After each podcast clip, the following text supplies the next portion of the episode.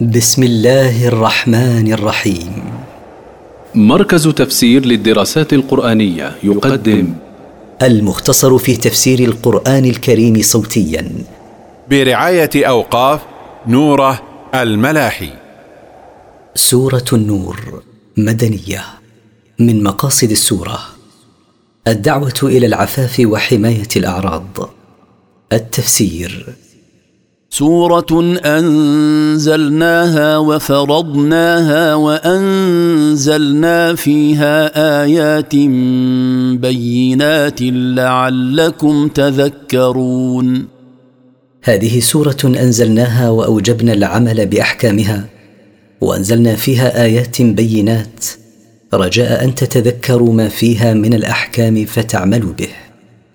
الزانية والزاني فاجلدوا كل واحد منهما مئة جلدة ولا تأخذكم بهما رأفة في دين الله إن كنتم تؤمنون إن كنتم تؤمنون بالله واليوم الآخر ۖ وليشهد عذابهما طائفة من المؤمنين.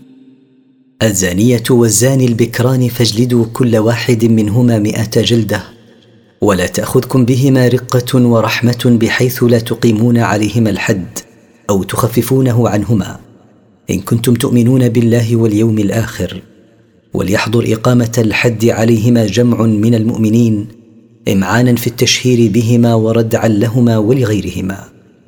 الزاني لا ينكح إلا زانية أو مشركة والزانية لا ينكحها إلا زان أو مشرك. وحرم ذلك على المؤمنين. لتفضيع الزنا ذكر الله أن الذي اعتاده لا يرغب في الزواج إلا من زانية مثله.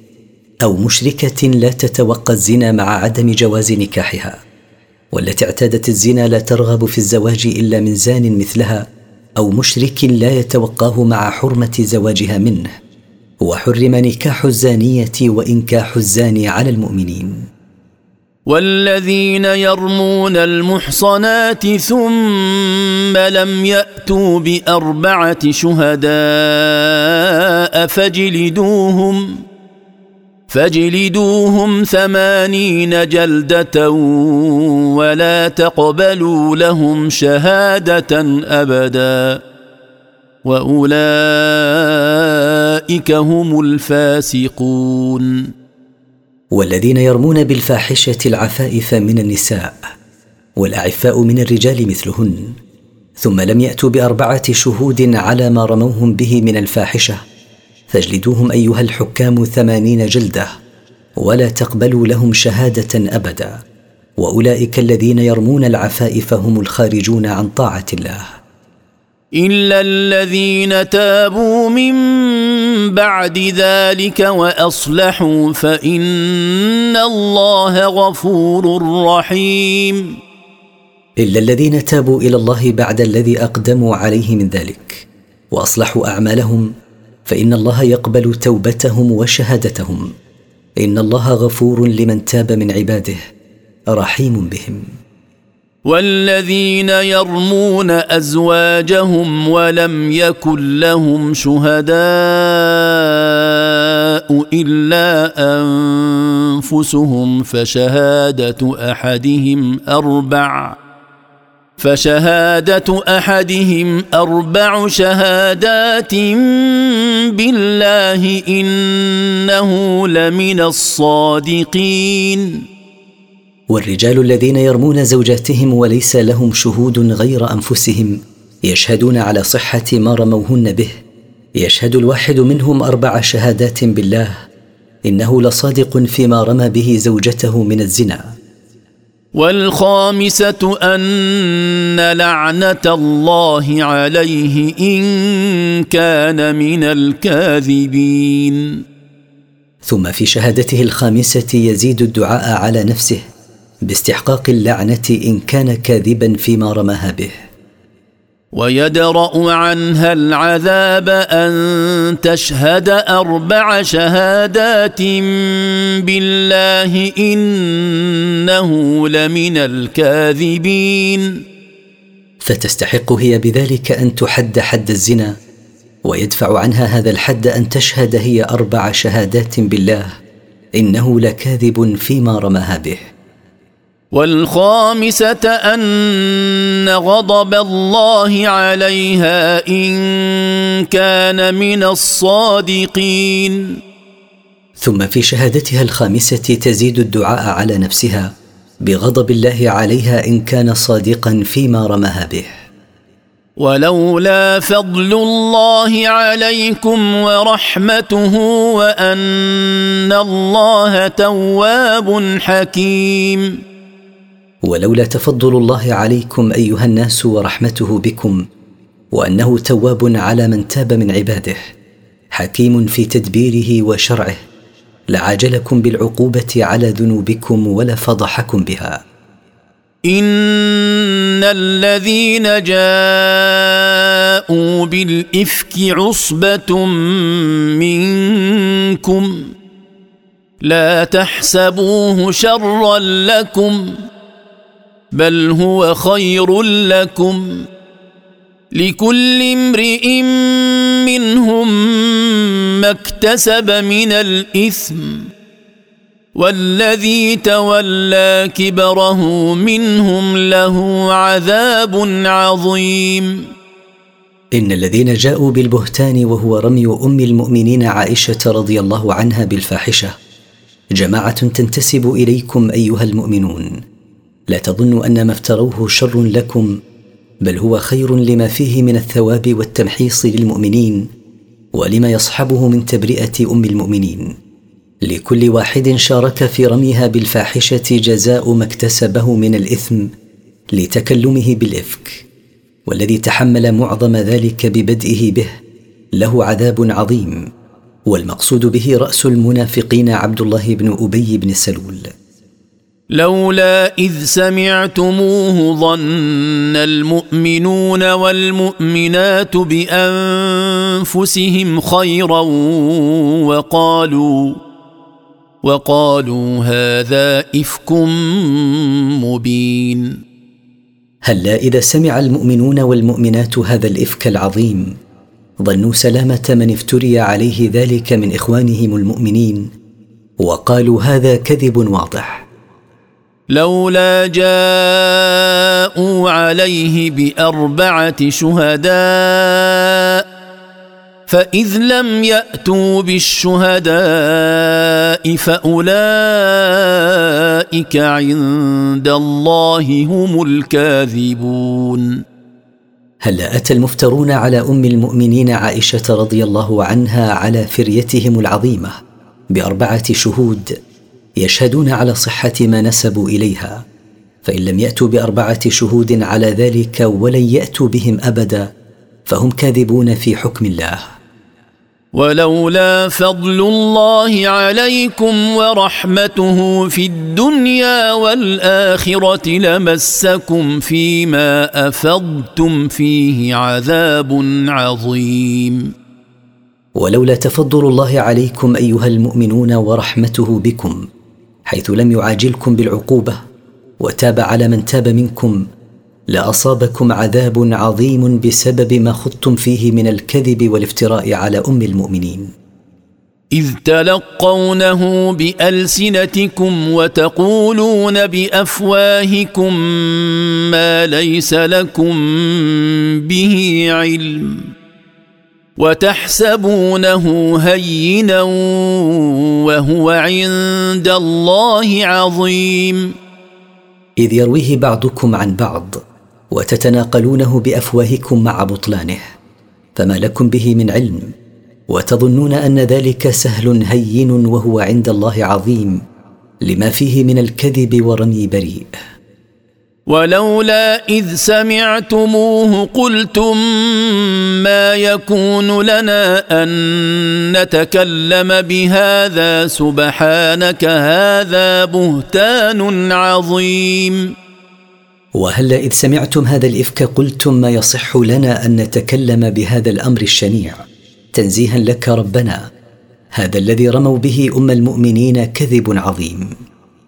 يعظكم الله أن تعودوا لمثله أبدا إن كنتم مؤمنين. يذكركم الله وينصحكم أن تعودوا لمثل هذا الإفك فترموا بريئا بالفاحشة إن كنتم مؤمنين بالله. ويبين الله لكم الآيات والله عليم حكيم. ويوضح الله لكم الآيات المشتملة على أحكامه ومواعظه.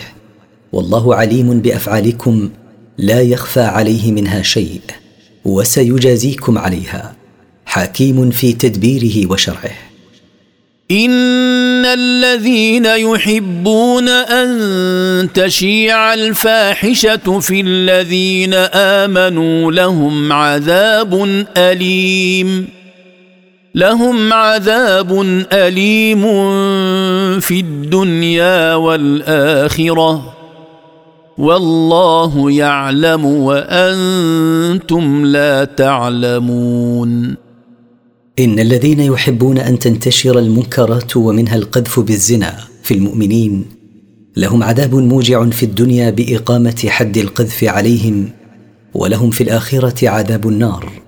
والله يعلم كذبهم وما يؤول إليه أمر عباده ويعلم مصالحهم وأنتم لا تعلمون ذلك. ولولا فضل الله عليكم ورحمته وأن الله رءوف رحيم. ولولا تفضل الله عليكم أيها الواقعون في الإفك ورحمته بكم ولولا أن الله رءوف رحيم بكم لعاجلكم بالعقوبة. يا أيها الذين آمنوا لا تتبعوا خطوات الشيطان. ومن يتبع خطوات الشيطان فانه يامر بالفحشاء والمنكر ولولا فضل الله عليكم ورحمته ما زكى منكم من احد ابدا ولكن الله يزكي من يشاء والله سميع عليم. يا أيها الذين آمنوا بالله وعملوا بشرعه لا تتبعوا طرق الشيطان في تزيينه للباطل ومن يتبع طرقه فإنه يأمر بالقبيح من الأفعال والأقوال وبما ينكره الشرع. ولولا فضل الله عليكم أيها المؤمنون ما طهر منكم من أحد ابدا بالتوبة إن تاب. ولكن الله يطهر من يشاء بقبول توبته. والله سميع لأقوالكم عليم بأعمالكم لا يخفى عليه منها شيء وسيجازيكم عليها. ولا يأت لأولو الفضل منكم والسعة أن يؤتوا أولي القربى والمساكين والمهاجرين في سبيل الله وليعفوا وليصفحوا ألا تحبون أن يغفر الله لكم والله غفور رحيم ولا يحلف أهل الفضل في الدين وأصحاب السعة في المال على ترك إعطاء أقربائهم المحتاجين لما هم عليه من الفقر من المهاجرين في سبيل الله لذنب ارتكبوه وليعفوا عنهم وليصفحوا عنهم. ألا تحبون أن يغفر الله لكم ذنوبكم إذا عفوتم عنهم وصفحتم؟ والله غفور لمن تاب من عباده رحيم بهم فليتاسى به عباده. نزلت هذه الآية في أبي بكر الصديق رضي الله عنه لما حلف على ترك الإنفاق على مصطح لمشاركته في الإفك. إن الذين يرمون المحصنات الغافلات المؤمنات لعنوا في الدنيا والآخرة ولهم عذاب عظيم. إن الذين يرمون العفائف الغافلات عن الفاحشة. التي لا يفطن لها المؤمنات. طردوا من رحمة الله في الدنيا والآخرة ولهم عذاب عظيم في الآخرة. يوم تشهد عليهم ألسنتهم وأيديهم وأرجلهم بما كانوا يعملون. يحصل لهم ذلك العذاب يوم القيامة يوم تشهد عليهم ألسنتهم بما نطقوا به من الباطل وتشهد عليهم أيديهم وأرجلهم بما كانوا يعملون. يومئذ يوفيهم الله دينهم الحق ويعلمون أن الله هو الحق المبين. في ذلك اليوم يوفيهم الله جزاءهم بعدل ويعلمون أن الله سبحانه هو الحق فكل ما يصدر عنه من خبر أو وعد أو وعيد حق واضح لا مرية فيه. الخبيثات للخبيثين والخبيثون للخبيثات والطيبات للطيبين والطيبون للطيبات. أولئك مبرؤون مما يقولون. لهم مغفرة ورزق كريم. كل خبيث من الرجال والنساء والأقوال والأفعال مناسب وموافق لما هو خبيث وكل طيب من ذلك مناسب وموافق لما هو طيب. أولئك الطيبون والطيبات مبرؤون مما يقوله عنهم الخبيثون والخبيثات. لهم مغفرة من الله يغفر بها ذنوبهم ولهم رزق كريم وهو الجنة. ولما كان الاطلاع على العورات سببا لإثارة الشهوة المؤدي إلى ارتكاب الزنا المذكور في بداية السورة أمر الله بالاستئذان على البيوت حماية للنظر من الاطلاع على العورات. فقال يا أيها الذين آمنوا لا تدخلوا بيوتا غير بيوتكم حتى تستأنسوا وتسلموا على أهلها. ذلكم خير لكم لعلكم تذكرون. يا أيها الذين آمنوا بالله وعملوا بشرعه لا تدخلوا بيوتا غير بيوتكم حتى تستأذنوا ساكنيها في الدخول عليهم وتسلموا عليهم بأن تقولوا في السلام والاستئذان السلام عليكم أأدخل؟ ذلك الاستئذان الذي أمرتم به خير لكم من الدخول فجأة لعلكم تتذكرون ما أمرتم به فتمتثلوه. فإن لم تجدوا فيها أحدا فلا تدخلوها حتى يؤذن لكم. وان قيل لكم ارجعوا فارجعوا هو ازكى لكم والله بما تعملون عليم فان لم تجدوا في تلك البيوت احدا فلا تدخلوها حتى يؤذن لكم في دخولها ممن يملك الاذن وان قال لكم اربابها ارجعوا فارجعوا ولا تدخلوها فانه اطهر لكم عند الله والله بما تعملون عليم لا يخفى عليه شيء من أعمالكم وسيجازيكم عليها. ليس عليكم جناح أن تدخلوا بيوتا غير مسكونة فيها متاع لكم والله يعلم ما تبدون وما تكتمون. ليس عليكم حرج أن تدخلوا دون استئذان بيوتا عامة لا تختص بأحد. أعدت للانتفاع العام كالمكتبات والحوانيت في الأسواق. والله يعلم ما تظهرون من أعمالكم وأحوالكم وما تخفون. لا يخفى عليه شيء من ذلك وسيجازيكم عليه. ولما كان النظر بريدا إلى الزنا أمر الله بغض البصر للوقاية منه فقال قل للمؤمنين يغضوا من ابصارهم ويحفظوا فروجهم ذلك ازكى لهم ان الله خبير بما يصنعون قل ايها الرسول للمؤمنين يكفوا من ابصارهم عن النظر إلى ما لا يحل لهم من النساء والعورات ويحفظوا فروجهم من الوقوع في المحرم ومن كشفها ذلك الكف عن النظر إلى ما حرمه الله وحفظ الفروج. أطهر لهم عند الله. إن الله خبير بما يصنعون. لا يخفى عليه شيء منه وسيجازيهم عليه. وقل للمؤمنات يغضضن من أبصارهن ويحفظن فروجهن ولا يبدين زينتهن.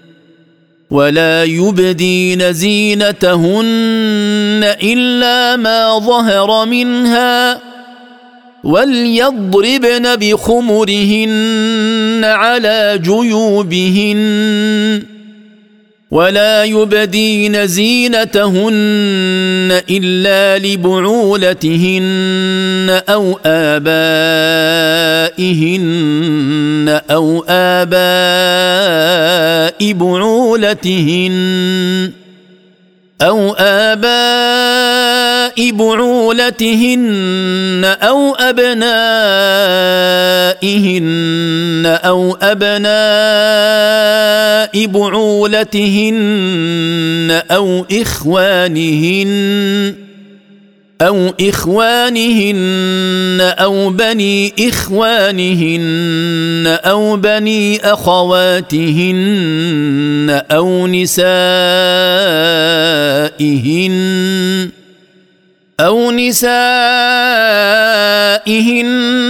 أو ما ملكت أيمانهن أو التابعين غير أولي الإربة من الرجال أو التابعين غير أولي الإربة من الرجال أو الطفل الذين لم يظهروا على عورات النساء ولا يضربن بأرجلهن ليعلم ما يخفين من زينتهن. وتوبوا إلى الله جميعا أيها المؤمنون لعلكم تفلحون. وقل للمؤمنات يكففن من أبصارهن عن النظر إلى ما لا يحل لهن النظر إليه من العورات ويحفظن فروجهن بالبعد عن الفاحشة وبالستر ولا يظهرن زينتهن للأجانب إلا ما ظهر منها مما لا يمكن إخفاؤه كالثياب. وليضربن بأغطيتهن على فتحات أعلى ثيابهن ليسترن شعورهن ووجوههن وأعناقهن ولا يظهرن زينتهن الخفية إلا لأزواجهن أو آبائهن أو آباء أزواجهن أو أبنائهن أو أبناء أزواجهن أو إخوانهن أو أبناء إخوانهن أو أبناء أخواتهن أو نسائهن المأمونات مسلمات كن أو كافرات. أو ما ملكن من العبيد ذكورا أو إناثا أو التابعين الذين لا غرض لهم في النساء أو الأطفال الذين لم يطلعوا على عورات النساء لصغرهم ولا يضرب النساء بأرجلهن قصد أن يعلم ما يسترن من زينتهن مثل الخلخال وما شابهه.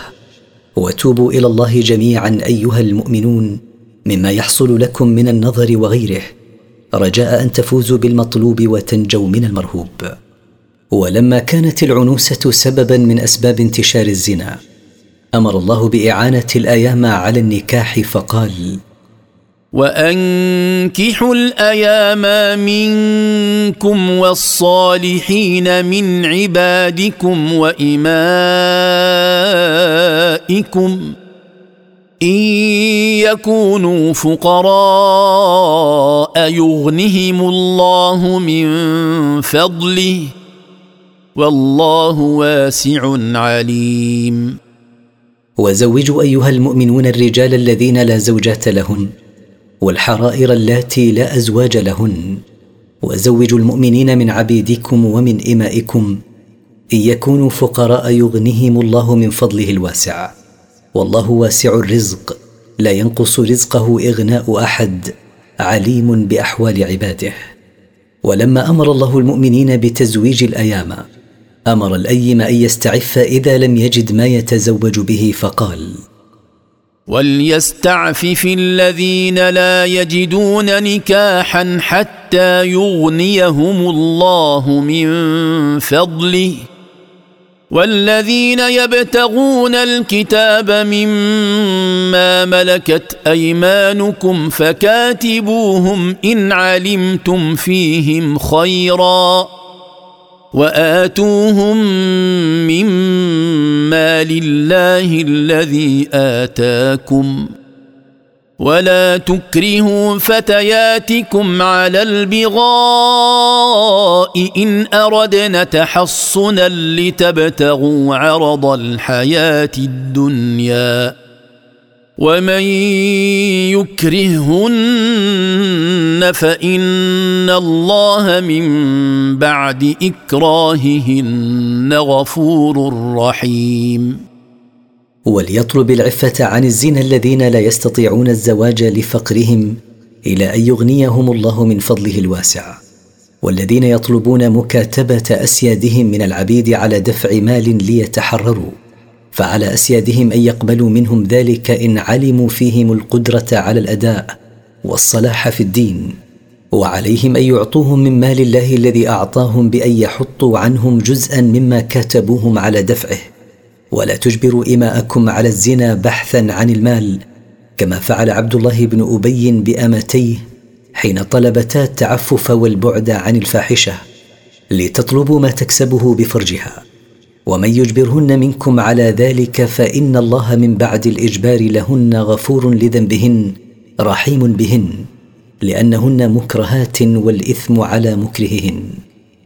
ولقد أنزلنا إليكم آيات مبينات ومثلا من الذين خلوا من قبلكم ومثلا من الذين خلوا من قبلكم وموعظة للمتقين. ولقد أنزلنا إليكم أيها الناس آيات واضحات مفصلات الحق من الباطل. وأنزلنا إليكم مثلا من الذين مضوا من قبلكم من المؤمنين والكافرين. وأنزلنا عليكم موعظة يتعظ بها الذين يتقون ربهم بامتثال أوامره واجتناب نواهيه. الله نور السماوات والأرض. مثل نوره كمشكاة فيها مصباح. المصباح في زجاجة. الزجاجة كأنها كوكب دري يوقد من شجرة مباركة زيتونة. زيتونة لا شرقية ولا غربية. يكاد زيتها يضيء ولو لم تمسسه نار. نور على نور. يهدي الله لنوره من يشاء. ويضرب الله الأمثال للناس والله بكل شيء عليم. الله نور السماوات والأرض وهادي من فيهما مثل نوره سبحانه في قلب المؤمن ككوه في حائط غير نافذة فيها مصباح المصباح في زجاجة متوهجة كأنها كوكب مضيء كالدر. يوقد المصباح من زيت شجرة مباركة هي شجرة الزيتون. الشجرة لا يسترها عن الشمس شيء لا في الصباح ولا في المساء. يكاد زيتها لصفائه يضيء ولو لم تمسسه نار فكيف إذا مسته؟ نور المصباح على نور الزجاجة. وهكذا قلب المؤمن إذا أشرق فيه نور الهداية. والله يوفق لاتباع القرآن من يشاء من عباده. ويبين الله الأشياء بأشباهها بضربه للأمثال. والله بكل شيء عليم. لا يخفى عليه شيء. في بيوت أذن الله أن ترفع ويذكر فيها اسمه. يسبح له فيها يسبح له فيها بالغدو والآصال. يوقد هذا المصباح في مساجد أمر الله أن يعلو قدرها وبناؤها ويذكر فيها اسمه بالآذان والذكر والصلاة يصلي فيها ابتغاء مرضات الله أول النهار وآخره. رجال لا تلهيهم تجارة ولا بيع عن ذكر الله وإقام الصلاة. وإقام الصلاة وإيتاء الزكاة يخافون يوما تتقلب فيه القلوب والأبصار. رجال لا يلهيهم شراء ولا بيع عن ذكر الله سبحانه والإتيان بالصلاة على أكمل وجه وإعطاء الزكاة لمصارفها. يخافون يوم القيامة ذلك اليوم الذي تتقلب فيه القلوب بين الطمع في النجاة من العذاب والخوف منه وتتقلب فيه الأبصار إلى أي ناحية تصير. ليجزيهم الله أحسن ما عملوا ويزيدهم من فضله. والله يرزق من يشاء بغير حساب. عملوا ذلك ليثيبهم الله على أعمالهم أحسن ما عملوا ويزيدهم من فضله جزاء عليها. والله يرزق من يشاء بغير حساب على قدر أعمالهم بل يعطيهم أضعاف ما عملوا. والذين كفروا أعمالهم كسراب بقيعة يحسبه الظمآن ماء. يحسبه الظمآن ماء حتى إذا جاءه لم يجده شيئا لم يجده شيئا ووجد الله عنده فوفاه حسابه. والله سريع الحساب. والذين كفروا بالله أعمالهم التي عملوها لا ثواب لها. مثل السراب بمنخفض من الأرض يراه العطشان فيظنه ماء. فيسير إليه حتى إذا جاءه ووقف عليه لم يجد ماء. وكذا الكافر يظن أن أعماله تنفعه. حتى إذا مات وبعث لم يجد ثوابها. ووجد ربه أمامه فوفاه حساب عمله كاملا. والله سريع الحساب.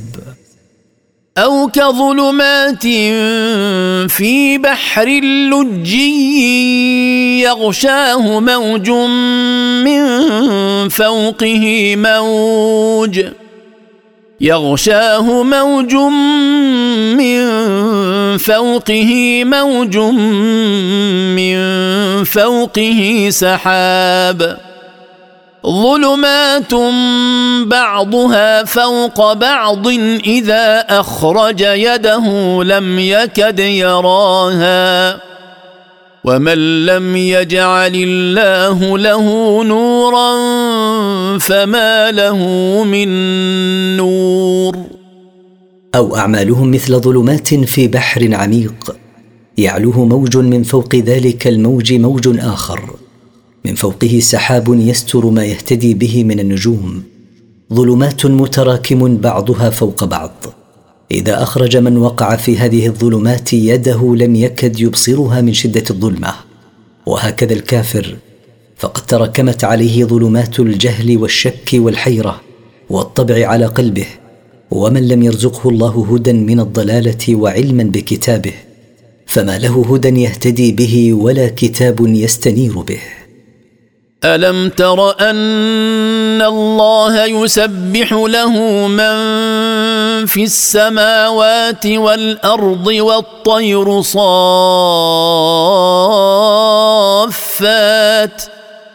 كل قد علم صلاته وتسبيحه. والله عليم بما يفعلون. ألم تعلم أيها الرسول أن الله يسبح له من في السماوات ويسبح له من في الأرض من مخلوقاته؟ وتسبح له الطيور قد صفت أجنحتها في الهواء.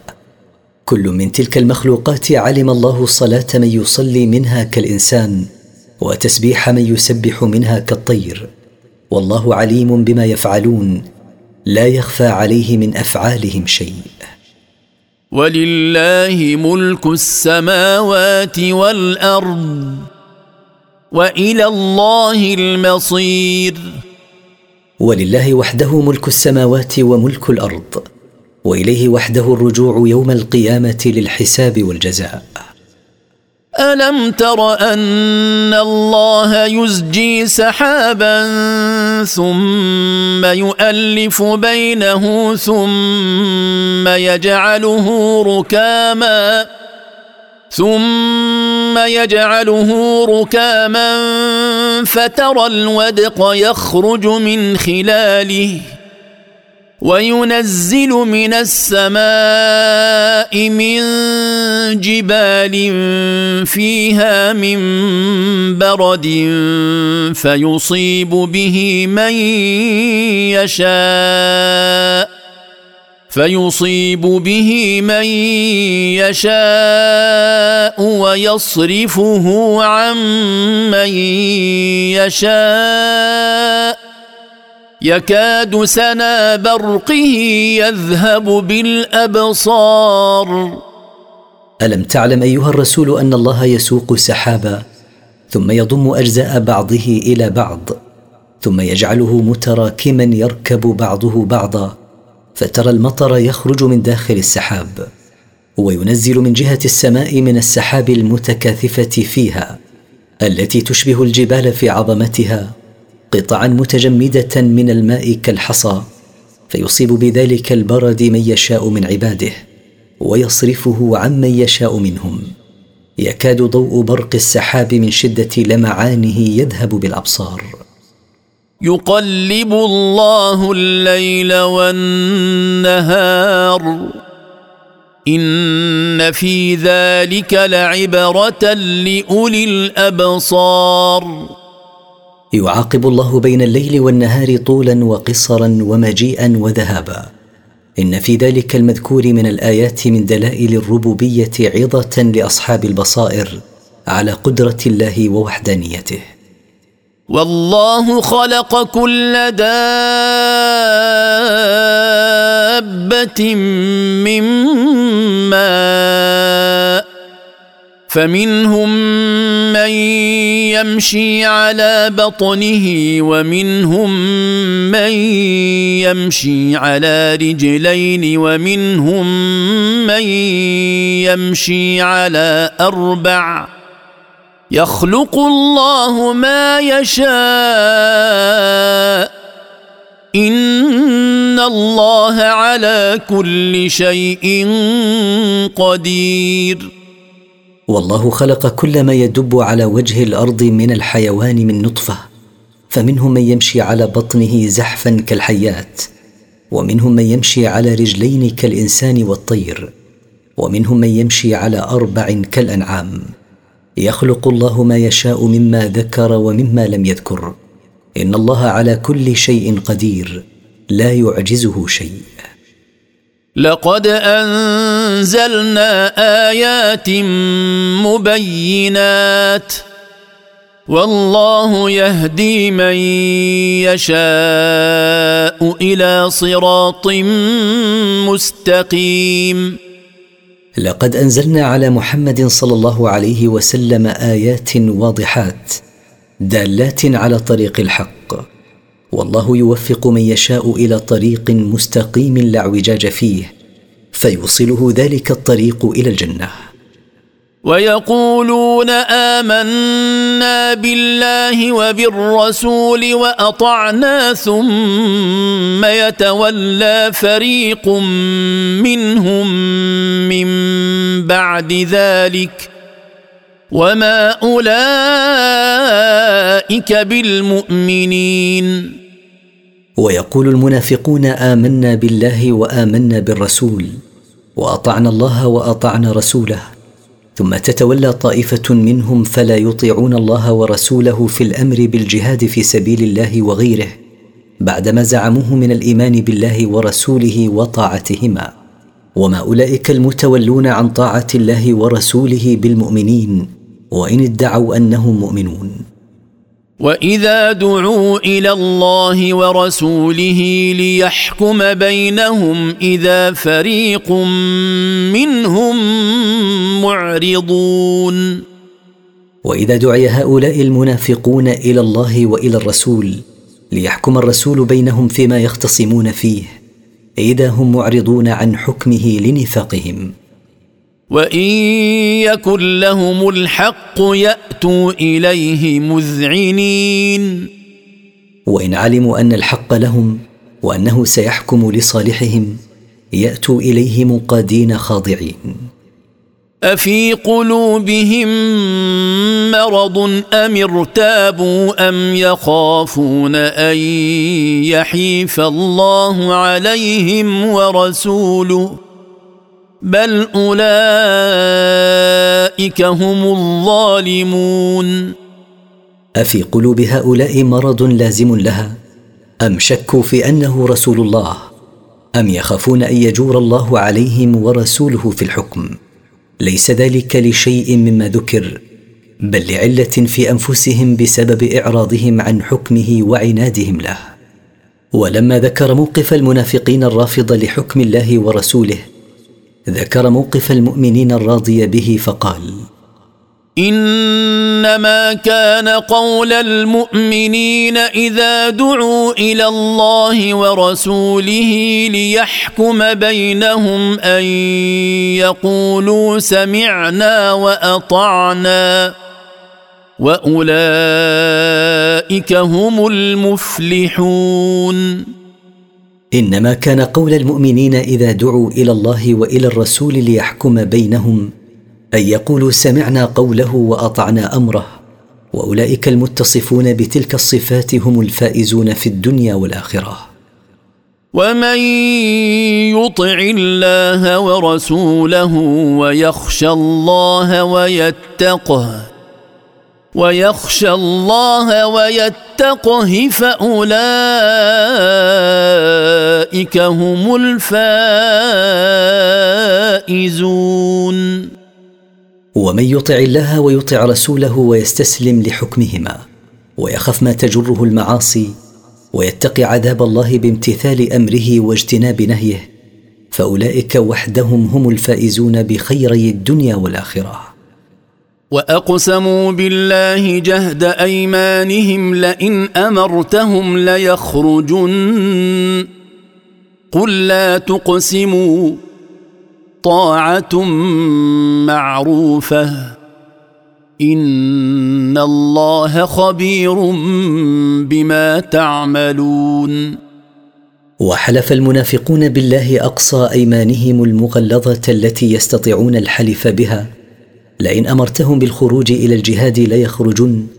قل لهم أيها الرسول لا تحلفوا فكذبكم معروف وطاعتكم المزعومة معروفة. والله خبير بما تعملون. لا يخفى عليه شيء من أعمالكم مهما أخفيتموها. قل أطيعوا الله وأطيعوا الرسول. فإن تولوا فإنما عليه ما حمل وعليكم ما حملتم وإن تطيعوه تهتدوا وما على الرسول إلا البلاغ المبين قل أيها الرسول لهؤلاء المنافقين أطيعوا الله وأطيعوا الرسول في الظاهر والباطن فإن تتولوا عما أمرتم به من طاعتهما فإنما عليه هو ما كلف به من التبليغ وعليكم أنتم ما كلفتم به من الطاعة والعمل بما جاء به.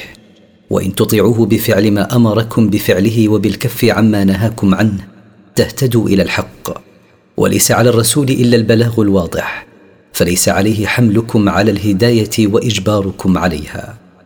وعد الله الذين آمنوا منكم وعملوا الصالحات ليستخلفنهم في الأرض ليستخلفنهم في الأرض كما استخلف الذين من قبلهم وليمكنن لهم. وليمكنن لهم دينهم الذي ارتضى لهم وليبدلنهم من بعد خوفهم أمنا. يعبدونني لا يشركون بي شيئا. ومن كفر بعد ذلك فأولئك هم الفاسقون. وعد الله الذين آمنوا منكم بالله وعملوا الأعمال الصالحات أن ينصرهم على أعدائهم ويجعلهم خلفاء في الأرض مثل ما جعل من قبلهم من المؤمنين خلفاء فيها. ووعدهم أن يجعل دينهم الذي ارتضاه لهم وهو دين الإسلام مكينا عزيزا. ووعدهم أن يبدلهم من بعد خوفهم امانا يعبدونني وحدي لا يشركون بي شيئا. ومن كفر بعد تلك النعم فأولئك هم الخارجون عن طاعة الله. وأقيموا الصلاة وآتوا الزكاة وأطيعوا الرسول لعلكم ترحمون. وأدوا الصلاة على أكمل وجه وأعطوا زكاة أموالكم وأطيعوا الرسول بفعل ما أمركم به وترك ما نهاكم عنه. رجاء أن تنالوا رحمة الله. لا تحسبن الذين كفروا معجزين في الأرض ومأواهم النار ولبئس المصير. لا تظنن أيها الرسول الذين كفروا بالله يفوتونني إذا أردت أن أنزل بهم العذاب. ومأواهم يوم القيامة جهنم ولساء مصير من جهنم مصيرهم. ولما ذكر الله من قبل أحكام استئذان الأحرار البالغين ذكر هنا أحكام استئذان العبيد والأحرار غير البالغين والأطفال إذا بلغوا. فقال يا أيها الذين آمنوا ليستأذنكم الذين ملكت أيمانكم والذين لم يبلغوا الحلم منكم ثلاث مرات. من قبل صلاة الفجر وحين تضعون ثيابكم من الظهيرة ومن بعد صلاة العشاء ثلاث عورات لكم ليس عليكم ولا عليهم جناح بعدهن. طوافون عليكم بعضكم على بعض. كذلك يبين الله لكم الآيات. والله عليم حكيم. يا أيها الذين آمنوا بالله وعملوا بما شرعه لهم ليطلب منكم الإذن عبيدكم وإماؤكم والأطفال الأحرار الذين لم يبلغوا سن الاحتلام في ثلاثة أوقات من قبل صلاة الصبح وقت إبدال ثياب النوم بثياب اليقظة وفي وقت الظهيرة حين تخلعون ثيابكم للقيلولة وبعد صلاة العشاء لأنه وقت نومكم وخلع ثياب اليقظة ولبس ثياب النوم. هذه ثلاثة أوقات عورات لكم لا يدخلون فيها عليكم إلا بعد إذن منكم ليس عليكم حرج في دخولهم دون استئذان ولا عليهم هم حرج فيما عداها من الأوقات. هم كثير التطواف عليكم بعضكم يطوف على بعض فيتعذر منعهم من الدخول في كل وقت إلا باستئذان. كما بين الله لكم أحكام الاستئذان يبين لكم الآيات الدالة على ما شرعه لكم من أحكام. والله عليم بمصالح عباده حكيم فيما يشرعه لهم من أحكام. واذا بلغ الاطفال منكم الحلم فليستاذنوا كما استاذن الذين من قبلهم كذلك يبين الله لكم اياته والله عليم حكيم واذا بلغ الاطفال منكم سن الاحتلام فليطلبوا الاذن عند الدخول على البيوت في كل الأوقات مثل ما ذكر بشأن الكبار سابقا. كما بين الله لكم أحكام الاستئذان يبين الله لكم آياته والله عليم بمصالح عباده حكيم فيما يشرعه لهم. والقواعد من النساء اللاتي لا يرجون نكاحا فليس عليهن جناح. فليس عليهن جناح أن يضعن ثيابهن غير متبرجات بزينة وأن يستعففن خير لهن والله سميع عليم. والعجائز اللاتي قعدن عن الحيض والحمل لكبرهن اللاتي لا يطمعن في النكاح فليس عليهن إثم أن يضعن بعض ثيابهن كالرداء والقناع غير مظهرات للزينة الخفية التي أمرن بسترها وأن يتركن وضع تلك الثياب خير لهن من وضعها إمعانا في الستر والتعفف. والله سميع لأقوالكم عليم بأفعالكم لا يخفى عليه شيء من ذلك وسيجازيكم عليها. ليس على الأعمى حرج. ولا على الأعرج حرج ولا على المريض حرج ولا على أنفسكم ولا على أنفسكم أن تأكلوا من بيوتكم أو بيوت آبائكم أو بيوت أمهاتكم. أو بيوت أمهاتكم أو بيوت إخوانكم أو بيوت أخواتكم أو بيوت أعمامكم أو بيوت عماتكم ۖ أو بيوت عماتكم أو بيوت أخوالكم أو بيوت خالاتكم أو ما ملكتم مفاتحه أو صديقكم ليس عليكم جناح أن تأكلوا جميعا أو أشتاتا فإذا دخلتم بيوتا فسلموا على أنفسكم تحية من عند الله. تحية من عند الله مباركة طيبة. كذلك يبين الله لكم الآيات لعلكم تعقلون. ليس على الأعمى الذي فقد بصره إثم ولا على الأعرج إثم ولا على المريض إثم. إن تركوا ما لا يستطيعون القيام به من التكاليف كالجهاد في سبيل الله. وليس عليكم أيها المؤمنون إثم في الأكل من بيوتكم ومنها بيوت أبنائكم ولا في الأكل من بيوت آبائكم أو أمهاتكم أو إخوانكم أو أخواتكم أو أعمامكم أو عماتكم أو أخوالكم أو خالاتكم أو ما وكلتم على حفظه من البيوت مثل حارس البستان ولا حرج في الأكل من بيوت صديقكم لطيب نفسه عادة بذلك.